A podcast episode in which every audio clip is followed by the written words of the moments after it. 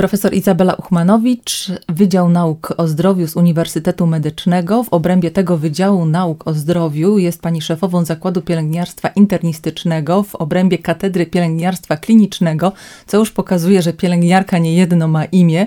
A tak w ogóle to witam panią jako zwyciężczynię tegorocznej edycji plebiscytu Radia Luz Kubek dla Wykładowcy. Wygrała pani imponującą liczbą głosów, 2206 wskazań. Gratuluję i dzień dobry. Dziękuję bardzo i dzień dobry Pani, dzień dobry Państwu. I jak Pani zobaczyła tę liczbę 2200 głosów, y, to cieplutko się zrobiło na sercu? E, tak, bardzo cieplutko na sercu i rzeczywiście obserwowałam, moje dzieci szczególnie obserwowały, czy mama wygrywa i powiedzieli, że tych głosów jest bardzo dużo, co oczywiście bardzo cieszy. No bo... Zanim pojawiły się takie głosy, bo to jest proste kliknięcie, więc wymaga trochę mniej energii, ale też wymaga zaangażowania. To przyszły maile zgłoszeniowe z pani nazwiskiem i z nich mogliśmy się na przykład dowiedzieć. Pani profesor ma wiele zainteresowań, angażuje się w sprawy studentów, jest pomocna, zawsze wesoła, ma bardzo dużą wiedzę, z którą, chęt, którą y, chętnie się dzieli. Wspaniała kobieta. Pani profesor jest cudowną osobą, ma bardzo osobiste podejście do studentów, uwielbia ich, a studenci panią profesor oddaje się swojej pracy. Jest świetnym wykładowcą. I jeszcze na przykład nigdy nie odmówi. Anioł. Jak mi pani to czyta, to aż mi się łezka wokół kręci, ale to oznacza właśnie, że to, co robię dla moich studentów, no, ma przełożenie właśnie między innymi na takie nominacje. Bo ich traktuję, muszę powiedzieć, jak e, swoje dzieci, traktuję ich tak, jak chciałabym być też traktowana jako student. Musiała się pani tego nauczyć? Trudno powiedzieć. Myślę, że po pierwsze, generalnie jestem osobą życzliwą i otwartą, i, i, myślę, że z tym się człowiek rodzi jednak. To pomaga? E, to pomaga, tak, to bardzo pomaga. Natomiast tak, trochę też trzeba czerpać e, od innych ludzi, jak inni to robią. To myślę, że jest to też ważne. I te pozytywne wzorce to? No pozytywne wzorce to było ich zawsze, jak myślę, każdym, każdego z nas w życiu kilka, ale takim e, moim pierwszym wzorcem nauczycielskim to były moje nauczycielki właśnie pielęgniarstwa, które przychodziły uczyć nas pielęgniarki i wtedy oprócz tej pierwszej myśli, że będę pielęgniarką, pojawiła się ta druga myśl, że chciałabym być nauczycielem.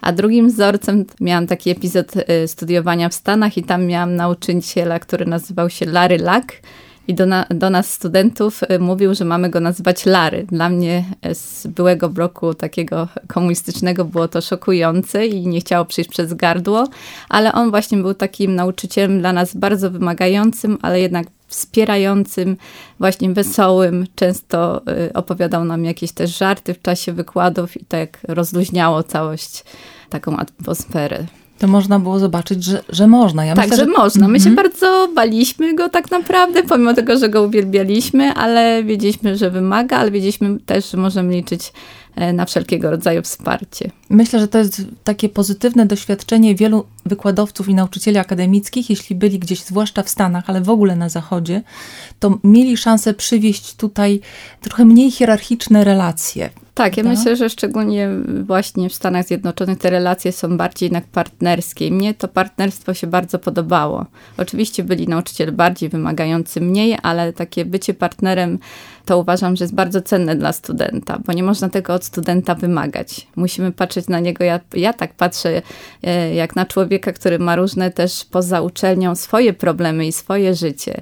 I czasem e, dużo wymagamy, a nie wiemy, z czym ten student się boryka poza uczelnią. Czasami e, nauczyciele boją się, że jak będą zbyt życzliwi, zbyt prostudenccy, to z drugiej strony spotkają się z lekceważeniem przedmiotu, nie dość starannym przygotowaniem, czyli partnerstwo oznacza, że hmm, nie do końca obie strony się starają. Czy ta druga strona może to, nie dość To się prawda, stara? można by tak y, uznać. Ja też czasem mam takie poczucie, że kiedy jestem zbyt życzliwa, to studenci próbują może przeciągnąć liny na swoją stronę, ale ja myślę, że jeżeli się stawia granice i student o tym wie, to będzie to właśnie dobre partnerstwo. A czego pani uczy? Ja generalnie uczę e, pielęgniarstwa, badań naukowych w pielęgniarstwie. To właśnie koło studenckie badań naukowych w pielęgniarstwie e, zgłosiło pewnie mnie do tego konkursu i wiem, że bardzo dzielnie działali, żebym miała jak najwięcej głosów i poruszali całe środowisko pielęgniarskie, bo Ja uczę pielęgniarstwa już ponad 20 lat, zatem dużo tych studentów wypuściłam i generalnie e, spotykam wszystkie praktycznie moje studentki gdzieś w warunkach szpitalnych bądź innych, tak jak wcześniej też rozmawiałyśmy, nie wszyscy będą pracowali w zawodzie swoim. Mhm, to do tego jeszcze wrócimy, a na razie jeszcze, co to znaczy uczyć pielęgniarstwa? No właśnie, to, to, to myślę, że to jest dobre pytanie. Jak mi pani tak mówi, co to znaczy uczyć pielęgniarstwa? Generalnie e, pielęgniarstwo jest teraz e, bardzo, e, mogłabym powiedzieć, rozwinięte, składające się z szeregu kompetencji i umiejętności, bo my kształcimy nie tylko te umiejętności, które potem pacjenci widzą na zewnątrz, tak, czyli wykonywanie iniekcji, podawanie leków, wykonywanie jakichś innych zabiegów. Siostro ale... skalpel. Tak, siostro skalpel, tak. Nie, nie lubi większość pielęgniarek tego określenia. Siostra, Mnie to prawda? nie przeszkadza. Już, już nie ma. Zupełnie. Mhm. Natomiast y, my uczymy też y, kompetencji społecznych, prawda, czy właśnie y, zajmowania się pacjentami, komunikowania z nimi i uczymy właśnie teraz też y, prowadzić badania naukowe w pielęgniarstwie, w naukach o zdrowiu generalnie tak mówiąc ogólnie. Trochę znowu wybiegnę w przyszłość i w to, co jest problemem współczesnej pielęgniarki, bo pani uczy komunikacji. Sama widać, e, że jest pani ekspertem komunikacyjnym. Widziałam też, że uczy pani nie tylko w szkole, jak komunikować się, ale też uczy pani pielęgniarki, jak komunikować się i różnych ludzi e, zajmujących się chociażby pacjentami kardiologicznymi, jak komunikować się z pacjentem. I to jest akurat to coś, na co w tej chwili służba zdrowia kompletnie nie ma czasu. Tak, i to jest jedna z bolączek, -hmm. bo y, my mamy coraz mniej czasu na rozmowę z pacjentami i potem dlatego też czasami jesteśmy odbierani jako zawód, który nie w pełni się spełnia, czy nie wywiązuje ze swoich zadań bo jest tak ma, mała liczba pielęgniarek pracujących e, w szpitalach, że e, one już nie mają czasu tych wszystkich czynności wykonywać. Muszą wykonywać szereg czynności właśnie administracyjnych, piszą, e, muszą uzupełniać dane w komputerze, co może być odbierane, że nie zajmują się pacjentami, tylko coś tam zaglądają do komputera. Mamy też szereg czynności pielęgnacyjnych do wykonania i zatem często właśnie niestety nie starcza czasu na to komunikowanie się, co jest tak naprawdę czasami dla pacjenta e, najważniejszy. Ten brak czasu jest taki przeciwproduktywny, bo ten czas jest najważniejszy, czyli pacjent powinien być zaopiekowany informacyjnie, też wprowadzony w taki dobry nastrój, pewnie trochę optymizmu w nim powinno być, że to leczenie przebiegnie dobrze i sprawnie. Pani ma, e, specjalizuje się w dwóch trudnych grupach, bo i kardiologiczna, i geriatryczna to są pacjenci, którzy aż się prosi, żeby z nimi rozmawiać, potrzymać za rękę, taki kontakt złapać, a na to nie tak, ma czasu. Dużo pani o mnie już widzę, wie. Rzeczywiście e, tutaj mamy, zresztą ta kardiologia łączy się z geriatrią, oczywiście wszystkie praktycznie teraz oddziały, to my mamy bardzo dużo pacjentów w wieku podeszłym i to jest ta grupa do szczególnej opieki, szczególnej troski, na co my też zwracamy uwagę w trakcie studiów, e, że no, mamy szereg różnych pacjentów, prawda, czyli mamy pacjentów pediatrycznych, czyli małe dzieci, mamy właśnie pacjentów w średnim wieku, wieku podeszłym i każdy z nich ma inne, odmienne oczekiwania od nas i my też musimy y, się przystosowywać do tego, czego ten pacjent oczekuje, a wiek podeszły jest szczególnym. Nie wiem, czy Państwo zdają sobie sprawę, bo w wieku podeszłym mamy szereg już y, zaburzeń funkcji poznawczych, czyli dotyczących między innymi zapamiętywania, powtarzania i, i tutaj ta rola jest jeszcze większa i, i mamy y, naprawdę tutaj dużo do zrobienia. Nie mamy wątpliwości, bo rozglądamy się wokół, ale też czytamy, że i lekarze, i pielęgniarki geriatryczne będą potrzebne coraz bardziej. A tymczasem zainteresowanie zawodem na etapie studiów wydaje się być duże, bo przyjmują Państwo 140 osób na rok. Tak, Można by pomyśleć, się. ho, ho, ile potem będzie fantastycznie wykształconych pielęgniarek i pielęgniarzy. Swoją drogą, ilu chłopaków jest na roku? No zawsze jest kilku, nawet teraz do kilkunastu chyba dochodzimy do wyższych mhm. liczb. A jak przychodzi właśnie co do czego, to z tej 140-osobowej y, ekipy, to ile y, pójdzie pracować z pacjentami? No tak, to jest kolejny problem, bo 140 zaczyna, już po pierwszym roku nam e, zazwyczaj odchodzi około 20 studentów, więc już zaczynamy drugi rok ze 120 osobami. Bo to są trudne studia wbrew pozorom, czy sami to, znajdują, to, że, to że to trudne. nie... Mhm. Tak, muszę powiedzieć, że to są trudne studia, bo niewiele osób zdaje sobie sprawę, że my mamy bardzo dużo godzin w trakcie tych studiów. 4600 e, godzin na licencjata, więc to są 3 lata bardzo intensywnego studiowania, w tym zajęć praktycznych i praktyk zawodowych także to są wymagające studia wbrew pozorom. Jakby ktoś uważał, że techniczny może kierunek jest trudny, jest trudny, ale ma trochę, jest inaczej usankcjonowany, natomiast y, ludzie też rezygnują, bo widzą, jaki to jest trudny zawód i nawet jeżeli kończą te studia, no bo chcą mieć wykształcenie wyższe, to nie zawsze e, jednak idą pracować w zawodzie, bądź szukają innych możliwości poza granicami kraju. Mhm. Do tego jeszcze wrócimy, a na razie o tym, że to trudne, bo tak, potrzebny jest ten komponent taki poznawczy, że człowiek po prostu ogarnie studia i nauczy się tego wszystkiego, co się ma nauczyć, ale do kompletu byłoby fajnie, gdyby jednak no, czuł temat, czyli był y, człowiekiem o jakichś takich podwyższonych kompetencjach komunikacyjnych chociażby, o jakiejś cierpliwości trochę większej niż przeciętna. Co jeszcze pielęgniarka powinna w sobie mieć? Pewno e, dużo empatii. Ja myślę, że każdy jest w stanie odnaleźć się w tym zawodzie, bo może wybrać różne ścieżki zawodowe, prawda? Na przykład pracować na intensywnej terapii, gdzie ta komunikacja jest bardziej potrzebna międzyludzka do pracy w zespole, ale E, rzeczywiście, no trzeba jednak e, umieć się komunikować z ludźmi, e, umieć też mieć taką empatię, czyli wyczuwać, czego drugi człowiek potrzebuje. No nie możemy być tylko tacy techniczni, że wykonujemy i nie dajemy nic z siebie. Także ja czasem muszę powiedzieć, że obserwując moich studentów w szpitalu, to nawet odpuszczę czasem, że czegoś nie umiem, bo wiem, że to mogę później wyegzekwować jeszcze. Natomiast jeżeli nie ma takich właśnie kompetencji do pracy z ludźmi, do właśnie takiego y, empatycznego podejścia, no to widzę, że to jest większy problem. I mówi to, pani czy... wtedy, dziecko, przemyśl swoje życie? No nie mówię, no, muszą sami przemyśleć swoje życie. Ja zawsze żartuję, zresztą mam taki sam stosunek wobec moich dzieci i wobec moich studentów. Oni się uczą dla siebie, oni tego nie mają robić dla mnie. I ja to zawsze powtarzam na studiach. To jest, drodzy Państwo, dla Was się uczycie. Ja już tą wiedzę posiadam. Także tylko mogę ich wspierać, żeby rzeczywiście się uczyli. Ja zawsze mówię, że są najmądrzejsi, że na pewno wszelkie przeszkody są do pokonania i uważam, że taki e, pozytywny właśnie stosunek i takie wsparcie jest e, bardzo ważne i oni rzeczywiście potrafią bardzo dużo wtedy z siebie dać. Zastanawiam się, skąd się bierze takie zdziwienie, że idę na studia pielęgniarskie, po czym stwierdzam, hmm, zawód pielęgniarki to chyba nie jest łatwa sprawa. Więc skąd ten entuzjazm i dlaczego on nie wytrzymuje próby czasu? Myślę, że tu są e, różne powody wyboru e, tego kierunku studiów, ale rzeczywiście na pierwszym roku ja często się pytam, dlaczego studenci wybrali ten kierunek, a nie inny. I tutaj powody są różne. Niektórzy nie dostają się na studia medyczne, więc przyszli na pielęgniarstwo, żeby nie stracić czasu i czegoś się pouczyć. Niektórzy z nami zostają, inni e, wracają później na medycynę. E, mam osoby, które skończyły i pielęgniarstwo, i medycynę, i uważam, że na pewno to są świetni lekarze i pielęgniarki.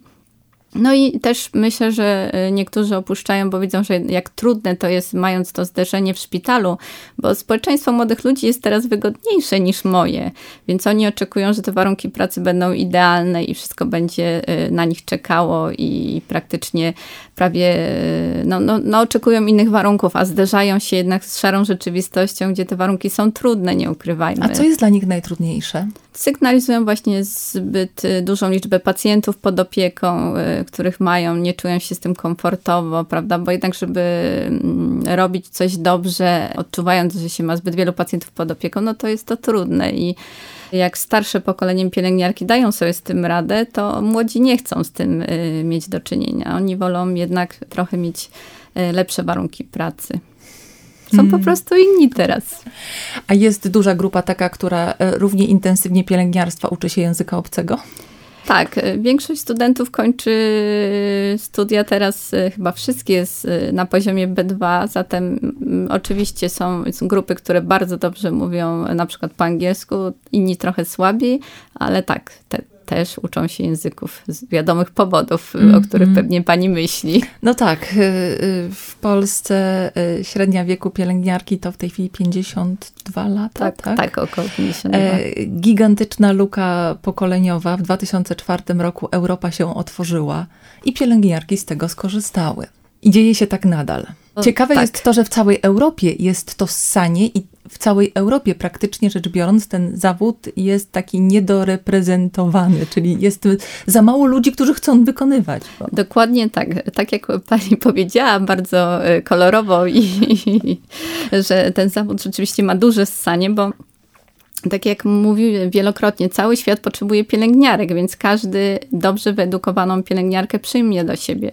Szczególnie, tak jak pani powiedziała, otworzyliśmy się e, na Europę i my kształcimy od ponad 20 lat, tak naprawdę idąc takim systemem kształcenia zbliżonym do systemu brytyjskiego. Zatem e, pielęgniarki są dobrze wykształcone, mają wysokie kompetencje i tak naprawdę niestety po ukończeniu studiów one mogą e, od razu otrzymać pracę w Wielkiej Brytanii, bo to e, jest bardzo łatwe, ponieważ tylko wskazują swoje kompetencje językowe certyfikatem, no i pokazują nasz polski dyplom i te izby, tak zwane izby pielęgniarskie w Anglii bardzo chętnie takie pielęgniarki z Polski przyjmą.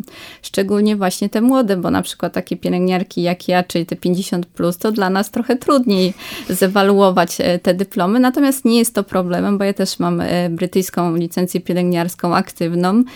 I trochę to trwało, zanim też ją otrzymałam, bo wiadomo, że studiowałam w zupełnie innym systemie ale no, prawda jest taka, że część tych pielęgniarek tracimy właśnie na rzecz innych krajów. Pierwsze, co przychodzi do głowy, to kwestie finansowe. Ale jest coś jeszcze? Myślę, że kwestie finansowe są tutaj e, takie pierwsze, prawda, bo każdy z nas chciałby zarabiać i móc e, komfortowo żyć, e, pomimo tego, że ta praca jest wymagająca i naprawdę trudna. To nie wiem, czy Państwo sobie zdają, że naprawdę praca w szpitalu taka zmianowa też odbija się na rodzinie, na naszym życiu takim właśnie osobistym, a oprócz tego przejmujemy dużo problemów szpitalnych, które przynosimy do domu, prawda, problemów naszych pacjentów, bo trudno zamknąć drzwi i wyjść zupełnie, oddzielić się od tej pracy. Dlatego jest to obciążające psychicznie i my robimy właśnie badania, też moje koło studenckie dotyczące wypalenia zawodowego, pielęgniarek, co na to wpływa i jeśli chodzi o pokolenie starsze, to tutaj ta płaca nie jest taka znamienna. Natomiast młodzi jednak już y, to wypalenie jest takie, że właśnie y, jest ich za mało, za mało zarabiają. No i jest to problem. Zastanawiam się, czy problemem jest to, wspomniała Pani o Wielkiej Brytanii. E, nie byłam w szpitalu, y, nie znam relacji takich z pierwszej ręki, a więc mogę posiłkować się filmem.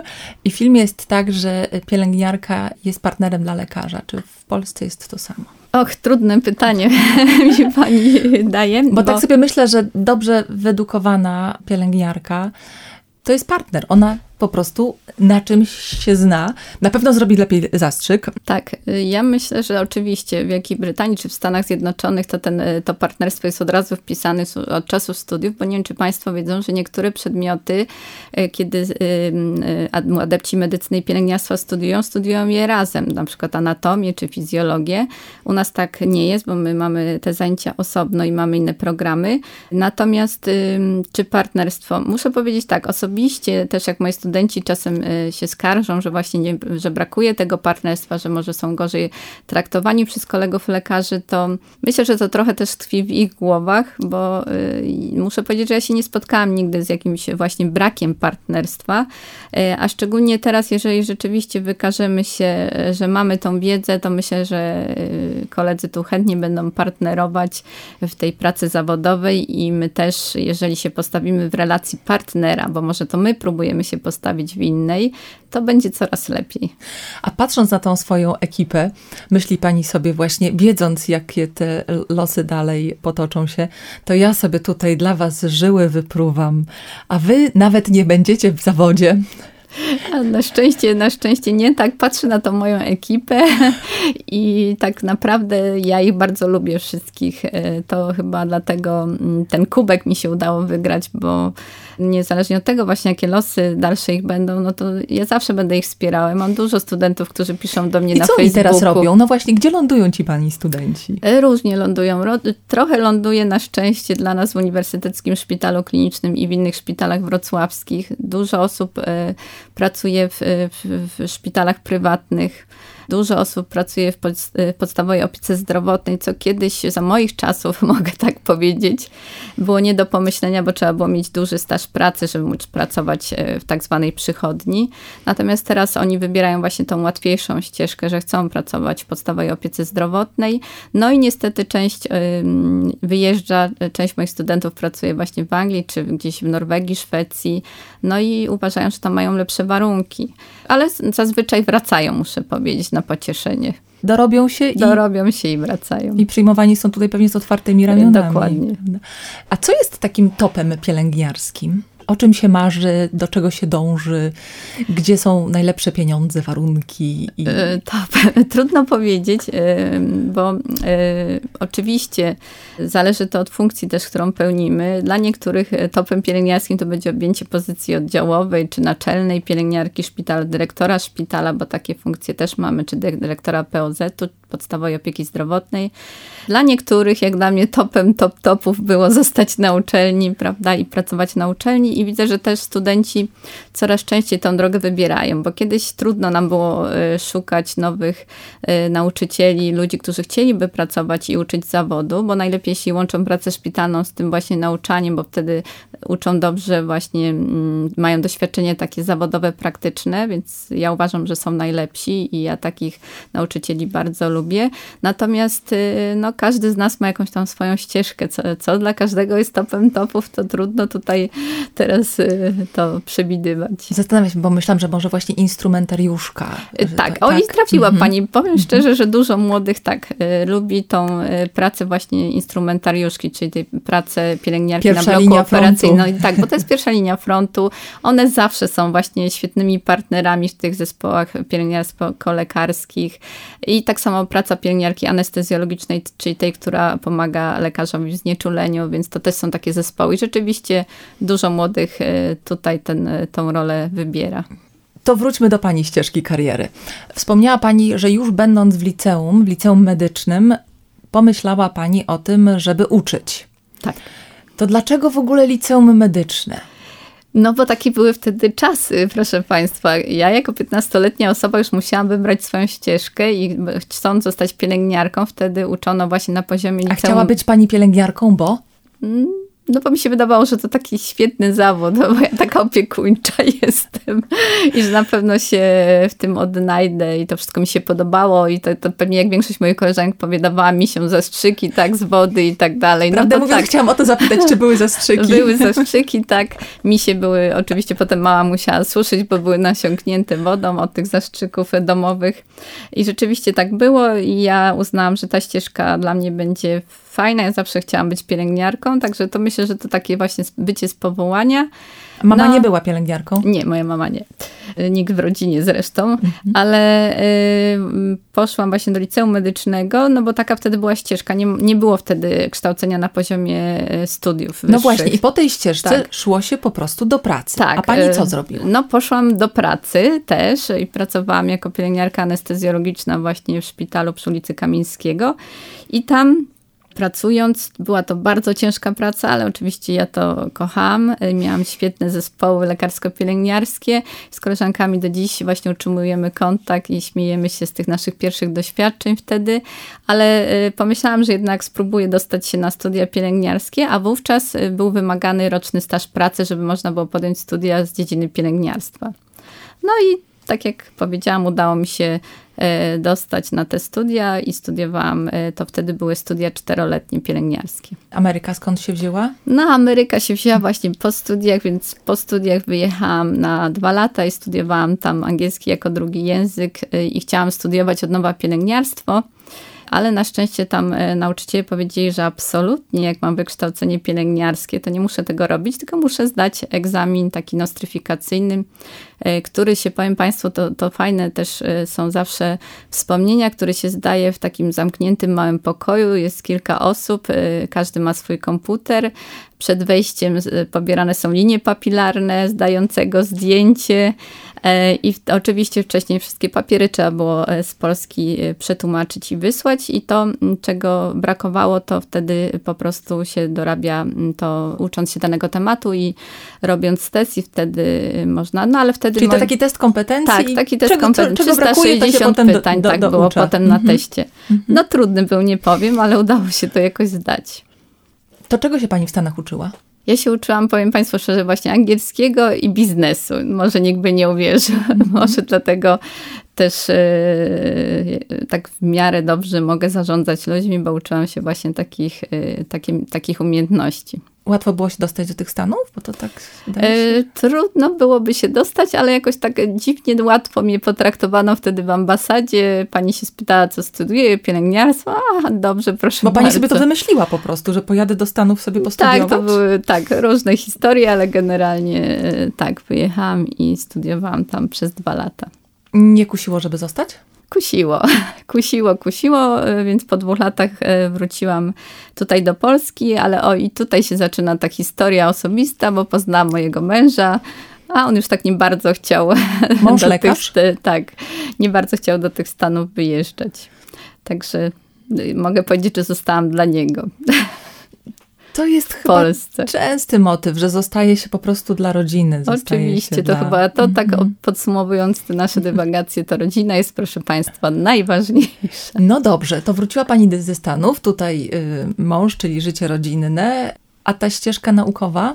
Skąd, skąd Muszę powiedzieć, że ścieżka naukowa, dojście do ścieżki naukowej chwilę trwało, ponieważ ja pracowałam po powrocie ze Stanów y, jako um, taki office manager, czy zarządzałam biurem, nie uwierzą Państwo, Lexmarka to są drukarki. E, I potem z kolei przeszłam do pracy w firmie farmaceutycznej i pracowałam jako przedstawiciel medyczny przez wiele lat. A następnie moja była nauczycielka, pani doktor Mes, zapytała mnie, czy chciałabym przyjąć zastępstwo e, za jedną z nauczycielek e, wówczas na jeden rok, bo potrzebowali właśnie kogoś chętnie z biegłym językiem angielskim. No i ja się zgodziłam i tak zostałam. No dobrze, no to skąd w takim razie nauka? Muszę Państwu powiedzieć, że ja mm, zawsze miałam taką e, chęć właśnie wykonywania różnych badań, poszukiwania i mam taką łatwość pisania, muszę e, się przyznać, że mnie się pracę naukowo pisze dobrze, bo ja bardzo szybko czytam, więc jestem w stanie e, szybko wdrożyć się w jakieś zagadnienie i potem to ująć w jakieś ramy właśnie takiego, takich badań naukowych. I to bardzo lubię, stąd też y, założyłam koło studenckie badań naukowych, bo chcę też ich nauczyć, y, jak się robi badania i że to nie jest wcale takie trudne temat, z którego jest Pani szczególnie dumna, jeśli chodzi właśnie o tą pracę naukową? Otóż y, mnie bardzo fascynuje temat takiego zespołu kruchości, czy inaczej słabości dotyczący wieku podeszłego, kiedy dochodzi do fizjologicznego wyczerpania rezerw organizmu. I my prowadzimy szereg takich badań właśnie typowych w naukach o zdrowiu, czyli badamy pacjentów kwestionariuszami e, i sprawdzamy, czy ten zespół wpływa w jakimś stopniu na dostosowanie się do zaleceń e, lekarskich, które pacjent otrzymuje, jak to wpływa właśnie na poziom samoopieki w domu, czyli rzeczywiście to jest taki temat zdrowia publicznego i nauk o zdrowiu. Ładnie brzmi tak wzruszająco to kruchość, bo to rzeczywiście starsi tak. ludzie są krusi. Dokładnie i nie tylko starsi, czasami my teraz po covid proszę spojrzeć na młodsze pokolenia. Ludzie po prostu tak długo byli sami, że mają szereg problemów emocjonalnych, więc można by ich też uznać, e, bo Za ta kruchość dotyczy fizyczności, kontaktów społecznych i również właśnie zdrowia psychicznego, zatem mamy tutaj teraz duży problem. Gdybyśmy sobie tak o tym myśleli i naprawdę myśleli i wdrożyli to w życie, to może bylibyśmy lepsi dla siebie osobiście samych, ale też dla ludzi wokół. Że wszyscy jesteśmy jakoś po tym covidzie troszkę bardziej krusi. Tak, krusi i myślę, że y, to odczuwam to zresztą chyba wszyscy odczuwamy, że y, życie jest jakoś tak, y, wszyscy stali się tacy bardziej, może nazwijmy to napięci, widać nerwowi i to się odczuwa teraz w kontaktach społecznych, zatem trochę chwilę nam zajmie pewnie, żeby dojść do tych takich normalnych kontaktów, bez takiej mm, odrobiny tej nerwowości, którą wyczuwam praktycznie w kontaktach z ludźmi w chwili obecnej. Miejmy nadzieję, że to minie. No właśnie, tutaj chyba zadanie dla ludzi takich jak pani, żeby z jednej strony o tym mówić, uświadamiać, a z drugiej strony chyba przydadzą się jakieś programy takie, które nas postawią na nogi. Tak, jak to mówi mój rektor, za chwilę każdy będzie potrzebował dobrego lekarza, psychiatry, bądź psychoterapeuty czy psychologa, bo rzeczywiście, no, po jeszcze szczególnie, że my żyjemy w trudnych czasach, prawda, ciężkich, bardzo wymagających od nas mamy dużo obowiązków, prawda? Ja wczoraj, powiem Państwu, brałam udział w takim warsztacie pod tym, ile kto z nas ma obowiązków y, takich y, w ciągu 24 godzin. Ja się śmiałam, że mogę trochę oszukać 8 godzin pracy, no potem godzina czasu jakiegoś wolnego, a potem znowu praca i znowu praca. Także ta sytuacja, która wymusza na nas też coraz więcej obowiązków takich, mm, no to wpływa też na to nasze zdrowie psychiczne, plus nałożyła się na to pandemia, zatem tutaj no, będziemy dochodzić do siebie pewnie chwilę. Mhm. Bardzo zmieniła Pani życie, pandemia? Moje akurat nie tak bardzo, bo jednak e, ja cały czas pracowałam w czasie pandemii i nie, nie wyłączałam się tak bardzo z życia. Natomiast e, zmieniła pod tym kątem rzeczywiście, patrząc na moje życie e, osobiste, że trójka moich dzieci była na nauczaniu zdalnym, to proszę sobie, mogą sobie Państwo wyobrazić, wszyscy na komputerze, łącznie z mamą i tatą, walczący o kamerkę, czy, czy o ciszę internet, w pokoju, tak. internet, tak, i, i słuchawki, żeby nie słyszeć drugiej osoby. Także E, nawet trochę żartowałam z bo pani nauczycielka kazała właśnie synowi włączać kamerę, a której on nie posiadał, więc napisałam, że ona jest pięć osób w domu do kamerki, więc musiałam oczywiście dokupić kolejną, ale to, to, to takie, takie, że rzeczywiście widzę to odbicie na tej młodzieży, że, że będzie miała problem tutaj z powrotem. Moja córka się bardzo cieszy na powrót do szkoły, synowie mniej, ale myślę, że to im wszystkim dobrze zrobi. Mhm. A kontakty ze studentami? Trudniejsze? Tak, jeśli chodzi o kontakty ze studentami, dużo trudniejsze, bo ja uważam, że oczywiście dla nas nauczanie zdalne jest wygodniejsze i, i też studentom jest łatwiej, bo mogą z domu się połączyć, prawda, za pięć ósma z nauczycielem. Natomiast rzeczywiście studenci też nie chcą włączać kamer, prawda? E, jak się kogoś wywołuje do odpowiedzi, to słyszę, że makijażu nie ma albo ma zły dzień, e, włosy nie takie, ale oczywiście jak się ich przymusi, to włączą, ale też śmieję się, że pewnie połowa w łóżkach leży i słucha wykładowcy, ale wiem, że moi koledzy też z Belgii czy z Anglii mówią to samo, że ich studenci słuchają ich leżąc po prostu w pieleszach domowych. To rzeczywiście utrudnia kontakt i może oni nie są do, w pełni pełni skupieni, natomiast my odbywaliśmy cały czas też zajęcia szpitalne, więc tu byliśmy w stanie ten kontakt nawiązać. Ale czasem, jeśli chodzi o studentów i nauczycieli, mam poczucie, że nikt mi nie słucha po drugiej stronie właśnie. Czy ktoś tam jest? Czy ktoś tam w ogóle jest? Dopiero jak się wywołuje z imienia czy nazwiska, to, to yy, okazuje się, że jednak ktoś tam już Wierzy Pani, jeszcze. że można w ogóle uczyć internetowo i że to będą dobrze przygotowani ludzie do, do rynku pracy? Mówię teraz o Pani grupie, o przyszłych pielęgniarkach. No jeśli chodzi o te, ale, o te zawodowe... Ale to jest chyba te, temat, nad którym w ogóle nauczyciele akademiccy myślą. Tak, bo myślę, że pewne kierunki rzeczywiście teoretyczne można uczyć zdalnie, natomiast jeśli chodzi o te kierunki praktyczne, czyli pielęgniarstwo, medycyna, fizjoterapeuci, ratownicy medyczni, no to nie da się tego nauczyć zdalnie. Można uczyć y, zajęć teoretycznych, natomiast tutaj oni jednak musieli być w tej grupie, która przychodziła do szpitala i przez ten czas studiowała i uczyła się. Bali się?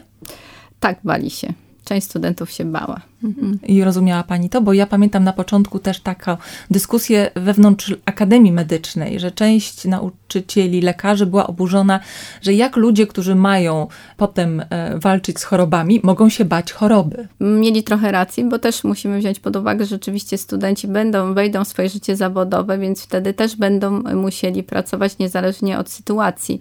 Natomiast z drugiej strony trzeba przyznać, że to są młodzi ludzie, mogli mieć pewne obawy, jeszcze e, życie ich tak nie doświadczyło, żeby wiedzieli też, jak się zachowywać w pewnych sytuacjach. Ale myślę, że teraz y, to było na początku taki strach i niechęć do pójścia y, właśnie do pacjenta i do szpitala.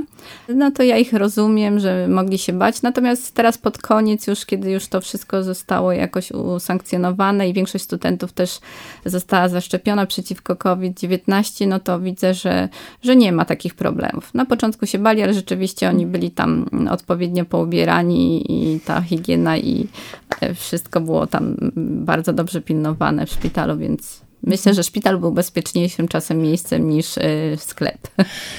To doświadczenie pandemiczne można przekuć na coś dobrego? Oj, to też jest trudne pytanie, czy to można przekuć. Myślę, że tak, bo trudne sytuacje zawsze, myślę, y, nas wzmacniają, prawda? Niektórzy będą mieli z tym problem przez jakiś czas, ale myślę, że część osób uzna, że to było takie kolejne doświadczenie życiowe no kolejne trudne. Na pewno nie wszyscy sobie z tym poradzą, dlatego my y, musimy tutaj wspierać też jako ochrona zdrowia, jako, y, my jako nauczyciele musimy tą młodzież wspierać. Ja to właśnie uważam, że tak jak teraz y, szkoły wróciły do zajęć, no to uważam, że właśnie tu nauczyciele nie powinni od razu y, wymagać y, wielkiej tony nauczania i żeby ci uczniowie wszystko wiedzieli, tylko żeby pozwolić im na powrót do tych kontaktów społecznych i do tych kontaktów też uczeń-nauczyciel. Powoli zbliżamy się ku końcowi. Ja mam jeszcze dwa pytania. Trochę nawiązując do tego, o czym rozmawiałyśmy, e, w czasie pandemii paradoksalnie często życzyliśmy sobie owszem zdrowia, ale też szczęścia. Bo okazywało się, że to szczęście jest potrzebne, chociażby, żeby nie złapać. Nie złapać wirusa, nie być tam, gdzie akurat są osoby, które są chore i mogą nam go sprzedać. Chciałabym o to szczęście zapytać w kontekście pani ścieżki zawodowej bardziej szczęście? Czy to szczęście było potrzebne, czy po prostu wystarczyło mieć pomysł i pracowitość? Myślę tak, żebyśmy nie, żeby wszyscy nie pomyśleli, że trzeba mieć szczęście i to wystarczy. Nie wystarczy, proszę Państwa. Ja uważam, że e, naprawdę osobiście, że tutaj pracowitość jest bardzo ważna. I niestety jestem typowym pracocholikiem, który ciągle pracuje i nie potrafi odpoczywać. To też jest taka klątwa, bym powiedziała. Natomiast szczęście trzeba mieć rzeczywiście, żeby mieć dobrych ludzi na swojej drodze, którzy podadzą rękę, wskażą tą ścieżkę kariery. Ja miałam szczęście trafić na panią profesor Krystynę Łobos-Grudzień, kardiologa, która była moją szefową i to ona właśnie tą rękę mi podała i pokazała tą ścieżkę, którą można iść i zawsze też mówiła Iska, na pewno sobie poradzisz, kto jak nie ty. I chyba tego się trzyma. Czyli za tym szczęściem tak naprawdę kryją się ludzie. Tak, których dokładnie. trzeba spotkać we właściwym tak, rodziców, momencie. Rodziców, którzy nam pomagają, prawda? Mhm. Członków rodziny, wszystkich. Mhm. A propos członków rodziny, dzieci wybierają się na medycynę?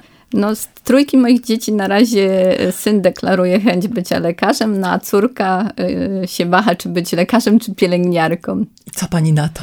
Ja mówię, że była pielęgniarką, jakkolwiek uprzedzam, że jest to bardzo trudny zawód, ale też y, bardzo taki satysfakcjonujący. No i to byłaby ładna puenta, ale mimo wszystko jeszcze zapytam, skąd pani czerpie? Czyli skąd pani czerpie energię, radość, no, proszę Państwa, myślę, że po pierwsze zostałam wychowana też tak, że moi rodzice i to wszystkim rodzicom polecam. Zawsze mi mówili, że jestem najmądrzejsza i wszystko mogę zdobyć i nie ma żadnych barier. To taki miałam przekaz z domu, natomiast y, w moim domu y, też y, moje dzieci też bardzo mnie wspierają. Zawsze mówiłam dzieciom, że kocham pracę, więc jeżeli idę do pracy, to na pewno mi to sprawia przyjemność mąż, który mnie wspierał w mojej karierze, który się zawsze śmieje, że właśnie musi odgrywać inne role, żeby wspierać tutaj to moje profesorowanie, nazwijmy to.